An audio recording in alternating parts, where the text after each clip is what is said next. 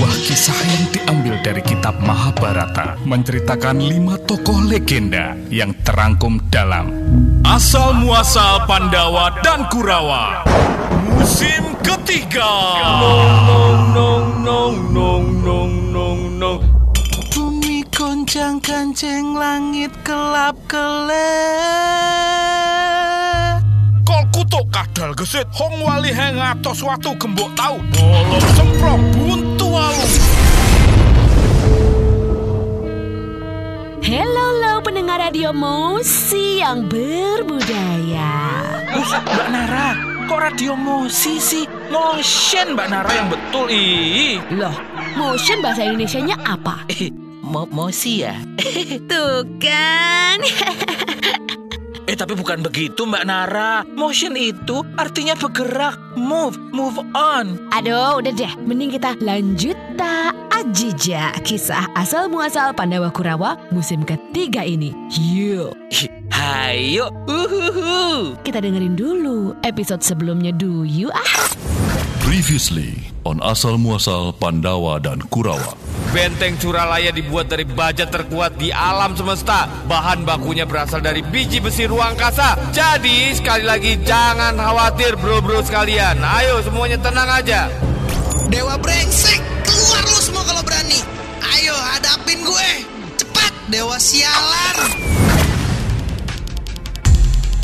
Pasukan Giling Wesi menggempur benteng istana Suralaya habis-habisan. Tetapi benteng istana Suralaya sangat kuat. Prabu Giling Wesi pun frustasi dan cuma bisa memaki. Ih, rhyming.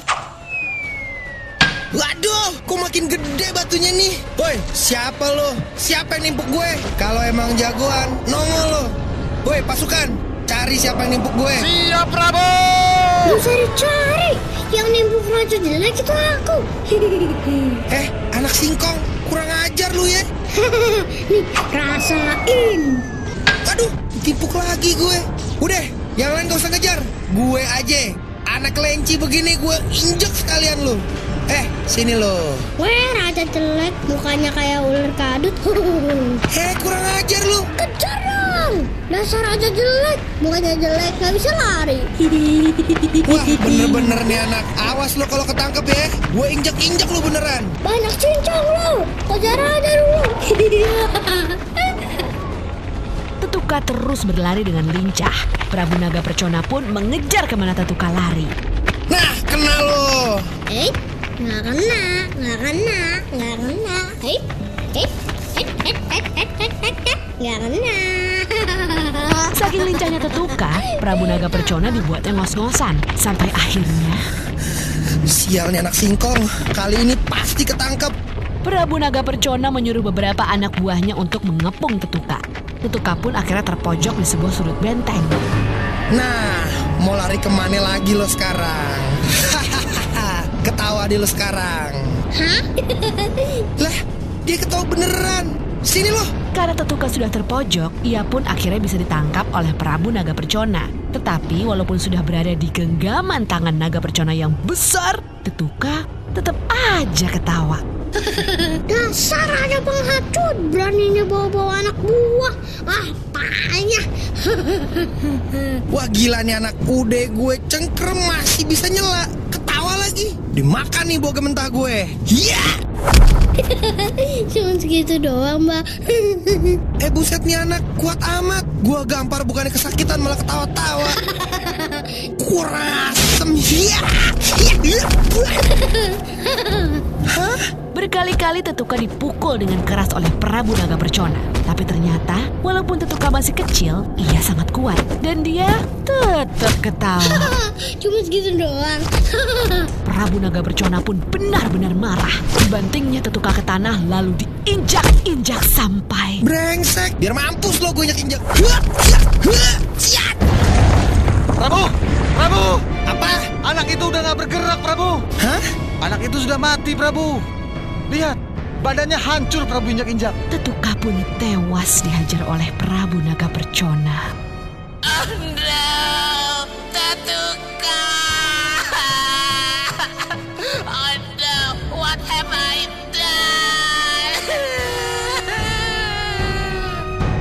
Mari, Prabu, mari kita kembali ke pasukan kita. biarlah mayat anak ini membusuk di sini.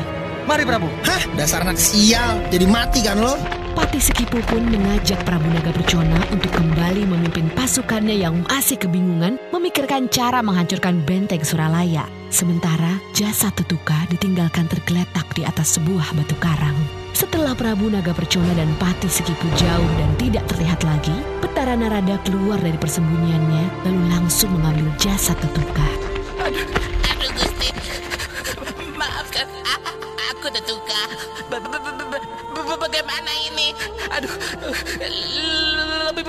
Aku bawa ke dalam istana aja deh. Aduh, aduh. Dengan perasaan yang panik, sedih, marah, semua menjadi satu, Betara Narada langsung membawa jasad Tetuka menuju ke dalam istana Suralaya. Bra, tetuka, bra, tetuka. Duh, Gusti. Oh my God. Oh no, gimana ini? Kita pasti akan diberangus bapaknya nih bro. Aduh. Apa yang harus kita perbuat? Kita bawa ke Betara Guru. Betul, betul, betul. Biar Betara Guru yang memutuskan. We're gonna die bro, die. Aduh, Bima pasti ngamuk berat nih. Tenang, tenang, tenang, tenang bro, tenang. Semua dewa yang ada di istana panik dan begitu bersedia melihat jasad Tetuka. Mereka pun sangat malu dan ketakutan akan amarah Bima, ayah Tetuka, jika mengetahui berita ini. Mereka pun langsung membawa jasad Tetuka ke hadapan Betara Guru. Be- be- be- Betara guru, apa yang harus kita lakukan? Aduh, belum selesai kita menghadapi kerajaan Giling Besi. Kita sudah harus berhadapan kembali dengan salah satu kesatria sakti Pandawa. Aduh. Betara Dharma, Narada, dan bro-bro sekalian. Aku mengerti kalian semua takut. Aku pun sedikit merasakannya. Hmm, Gimana ini Betara Guru? Kita tidak akan menang melawan Bima. Betara Surya, kita tidak akan berperang terhadap Bima. Baiklah, aku akan memohon kepada Yang Maha Esa untuk menghidupkan kembali Tetuka. What? Apa mungkin Betara Guru? Yang Maha Esa adalah penguasa seluruh alam semesta. Dia tidak akan membiarkan orang-orang jahat menguasai negeri ini. Tapi, biarlah aku berdoa bro-bro sekalian. Aku juga akan meminta Jabang Tetuka. Jika dihidupkan kembali, ia harus diperkuat segala-galanya.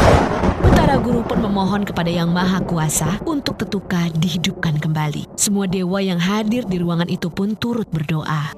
Yang Maha Esa, lindungilah yang telah tersudut tak berdaya. Hidupkanlah kembali Tetuka, perkuat tubuhnya. Buatlah ia menjadi laki-laki yang hebat, yang mampu melindungi dunia ciptaanmu.